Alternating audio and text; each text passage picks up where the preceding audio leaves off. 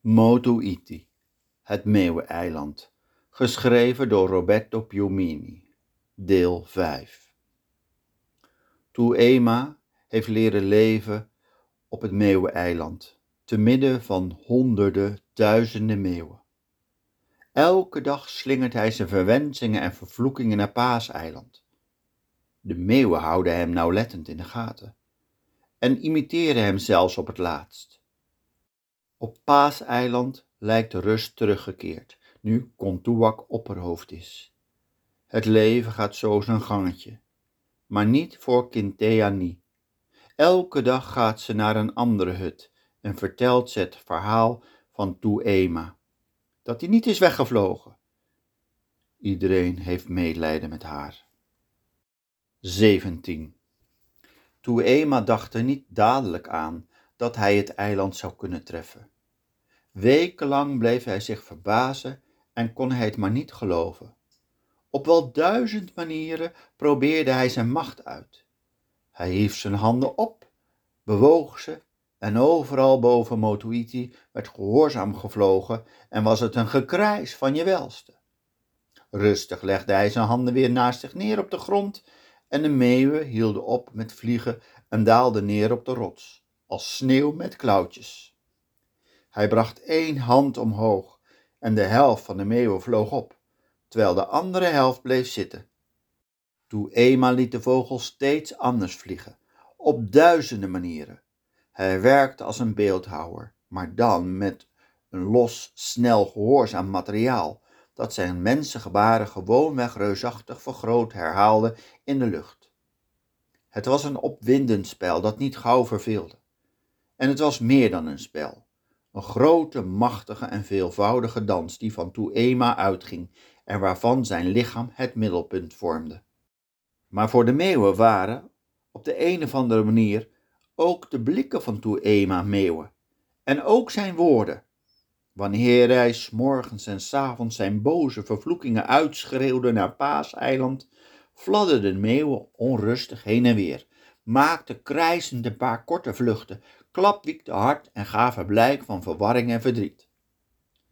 En op een morgen gebeurde het. Meer dan anders was Tuema in zijn slaap gekweld geweest door benauwende droombeelden. En er kwam uit zijn keel een vervloeking die erg was dan anders, en die bestemd was voor het eiland. Hij gaf een schrille schreeuw. Ah! Toen hief hij zijn handen op en strekte ze uit alsof hij over de ruimte heen het eiland wilde grijpen, slaan en krabben. En het was alsof de meeuwen op dat moment een boodschap begrepen die tot dan toe verward en onduidelijk was gebleven. Allemaal, behalve de onervaren jongensvogels, vlogen ze krijzend en razendsnel naar Paaseiland, met honderden tegelijk. Toen Ema bleef verbaasd achter en zag ze kleiner en kleiner worden, een woeste, woedende wolk in het blauw. Motu Iti bleef stil en verlaten achter, zoals het nog nooit was geweest. Je hoorde alleen het roepen van de jonge meeuwen tussen de stenen en de zee die altijd maar tegen de rotsen bleef slaan. Toen Ema hijgde, net als Kontuak destijds op de vulkaan. Onrustig liep hij heen en weer en keek naar de hemel voorbij Motonui. Hij opende zijn handen en sloot ze weer, alsof ze hem pijn deden. Het duurde niet lang. Er trilde iets aan de hemel boven Motonui. Toen zag Tuema de meeuwen in een enorme zwerm terugkeren, verspreid als een bewegelijke witachtige vlek. Eén ogenblik later waren ze alweer boven Motoiti, net zo krijzend als bij hun vertrek. Ze streken neer en waren stil. Bij veel van de meeuwen waren de veren vuil en verward, alsof ze met een smak op de grond terecht waren gekomen of met hun vleugels woest de takken van de bomen hadden geraakt. Veel meeuwen hielden iets in hun snavel. Helemaal buiten adem raakte Tuema met allebei zijn handen een steen op en hief deze in de lucht. Alle meeuwen vlogen op. Hij opende zijn handen en liet de steen vallen. Op een van zijn schouders kwam een katua-bloem neer. Bladeren, aardkluiten, roodachtige steentjes van de vulkaan, splinters hout, Dat alles regende kort maar hevig op Motu Iti neer. Ema rende in het rond om al die brokstukken op te rapen. Hij drukte ze tegen zich aan, besnuffelde ze, verzamelde ze in een holte tussen de rotsen, alsof het geschenken waren. Hij nam ze weer in zijn handen. Pas drie dagen later, nadat hij nu eens had zitten huilen en dan weer had zitten lachen bij deze brokstukjes, bedacht Ema dat hij het eiland zou kunnen treffen. 18. De eerste keer dat de meeuwen naar Paaseiland kwamen, werden ze alleen opgemerkt door Meitami, de jonge visser, een zoon van Natuek, die in zijn kano langs de westkust voer. Met open mond zag hij toe hoe de woedende zwerm neerstortte op een helling van de vulkaan en voor een deel tussen de planten verdween en vervolgens weer opvloog. Nog nooit had Meitami zoveel meeuwen bij elkaar gezien en nog nooit een meeuw die deed als zoals deze. Om het lage voorgebergte van Matutai heen peddelde hij snel naar het dorp, ging aan land en begon te vertellen over wat hij had gezien. Hij vertelde het meer dan eens en ondertussen dromden steeds meer mensen samen om naar hem te luisteren. Hij bleef vertellen terwijl hij naar de hut van de gemeenschap liep. En zij, die het al eens hadden gehoord, kwamen achter hem aan om het nog eens te horen. De oudste en Kontuak, het opperhoofd, luisterden toe en zeiden dat ze het een bijzonder vreemde zaak vonden. Dagen achtereen gebeurde er niet weer zoiets. En alleen de paar meeuwen die op de riffen rond het eiland leefden, vlogen heen en weer tussen land en zee. Een deel van de paaseilanders geloofde wat Meitami vertelde, omdat het een nadenkende jongen was en geen grappen maakte. Een ander deel geloofde het niet, want nog nooit had iemand honderden meeuwen gezien die zich allemaal tegelijk op een stuk bos wierpen, het als razende doorzochten en er als de bliksem weer vandoor gingen. Maar allemaal hadden ze van de jonge visser gehoord dat al die meeuwen weer weg waren gevlogen in de richting van Motu Iti, de verlaten gevaarlijke rots in de verte. Vandaar dat de mensen, als ze uit hun hut kwamen, of ze het nu wilden of niet, altijd eventjes naar de zuidelijke hemel keken, voorbij het stompe silhouet van Motunui. Toen de meeuwen terugkwamen, werden ze dan ook van verre door heel wat mensen gezien. De zon was net ondergegaan, maar het waren dagvogels die daar in een geweldige hoeveelheid kwamen aangevlogen. Dat maakte het nog vreemder. Overal in het dorp klonken luide waarschuwingen en kreten van schrik. En ook werd er van het dorp naar de bouwlandjes op de vulkaanhellingen geroepen en naar het rif. Iedereen keek omhoog naar de naderende sikkelvormige zwermvogels en niemand vroeg iets, want men begreep wel dat het antwoord snel zou komen. Krijzend stortten de meeuwen zich op de kust, juist bij de baai van het dorp. Met honderden tegelijk kwamen ze, als gevleugelde stenen, hard op de grond en op het strand neer, en spatten ze in de branding. De daken van de hutten die dichtst bij de zee stonden, kraakten onder het witte gewicht en begaven het op vele plaatsen.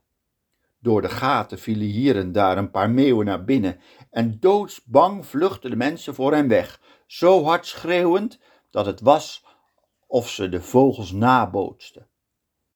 Op de rotsen rond het kleine oostelijke strand lagen vissen te drogen.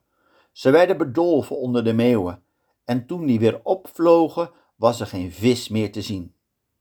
Ook het riet van de daken werd losgerukt door de snavels en klauwen en het waaide alle kanten uit. Van de hutten aan de kust bleef niet veel over. Toen steeg de hele meeuwenbende weer op. In de lucht vormden ze een V en ze vlogen weg van het eiland. Maar eerst strooiden ze nog bosjes stro rond, houtsplinters, visschubben en witte donsveertjes, die in het geweld van de aanval waren losgeraakt. De paaseilanders hadden verstijfd van schrik toegekeken. Sommigen hadden achter bomen dekking gezocht. Anderen hadden zich plat op de grond laten vallen Niemand had een hand of een stok tegen de indringers opgeheven. Het dorp was onthutst, sidderde van angst. Het enige wat je hoorde was het gegil van de kinderen. 19. In de raad van de oudste nam de oude Ete het woord. Alle mensen van het eiland zaten in een kring om de oudste heen, behalve de kleinste kinderen die tussen de hutten aan het spelen waren met donkere platte stenen. Oude mensen weten veel van vroeger ze vertellen elkaar ook veel over vroeger, zei Pate Ete. Maar niemand heeft hen ooit horen vertellen over iets zoals dat nu ons is overkomen. De zeevogels vallen rechtstreeks op het eiland en op het dorp aan. En ze doen kwaad, zoals een vrede gedachte kwaad kan doen. En ook de oude Otuti sprak, die met zijn gezin in de hoogstgelegen hut op de vulkaanhelling woonde. Zoals de vogels nu komen en gaan, heb ik mijn hele leven lang nog nooit meegemaakt. En ook mijn vader en de vader van mijn vader hebben het nog nooit gezien. Dit is vast de wraak van hem die ons een tijd lang bedreigde en toen wegvloog in de nacht. Iets heeft zijn vloek opgewekt en de meeuwen zijn zijn vloek. Kontuak hief een hand op en zei: Je kletst maar wat oude Otuti. Hij die ons bedreigt is over de horizon heen gegaan. Deze vogels zijn door iets anders van streek geraakt. Misschien hebben ze een ziekte. Misschien hebben ze jeuk onder hun veren, zoals ook de geiten van de kudde wel eens jeuk kunnen hebben. En dan zetten ze het op een rennen en schudden het zich uit en ontsnappen ze en uiteindelijk sterven ze ergens op de rotsen van een vulkaan. Rua Onak zei, niet o toetie klets maar wat, hoofdman, kontuak. Het is eerder zo dat jij onzin praat en je praat zo opgewonden dat het niet bepaald logisch is wat je zegt. Die vogels hebben beslist geen ziekte onder hun veren. Ze komen, ze slaan toe als een geklauwde hand en vliegen weer naar het zuiden. Ze vliegen naar Motuiti, zei Natuek, de oude visser. Daar op die rots van scherp gesteente wonen de meeuwen. Nooit of zo goed als nooit komen ze vanaf daar helemaal tot aan het eiland. En nooit met zoveel tegelijk.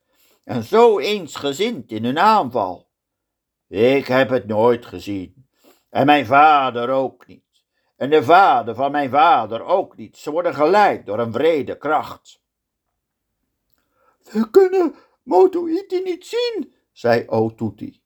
En zelfs als de jongen met de scherpste ogen de vulkaan opgaan om te kijken, zal hij niet meer zien dan een rots midden in zee. Iemand moet naar Motonui gaan om het van dichterbij te bekijken. De oudsten waren ingenomen met dit idee van Otuti. Ze bleven er een tijdje over praten en keurden het goed. Nu moest Kontuak iets zeggen. En hij zei: Dit hebben de oudsten besloten. Morgen varen we in een grote kano naar Motonui. Ik ga zelf met vijf peddelaars en drie oudsten. En hoewel ik geloof dat er niets te zien zal zijn, zullen we de rots van Moto Iti gadeslaan, waar de meeuwen vandaan komen. Ik raad je aan, hoofdman Kontuak, zei de oude Nemu Amok, dat er ook drie jonge jongens met de kano meegaan, want die zien het scherpst. De volgende dag voer de grote kano van het dorp naar de rots van de zeezwaluwen. De zee was kalm, want ze voeren in de luwte van Motonui zelf. Kontuak liet bij dezelfde plek aanleggen waar hij nu alweer een flinke tijd geleden onder een steen het ei van een zwaluw had verstopt. Vervolgens klauterden ze met z'n allen, de oudste werden door de anderen geholpen, naar de hoogste punt van het eilandje. Uit rotsspleten schoten tientallen zwaluwen geschrokken tevoorschijn.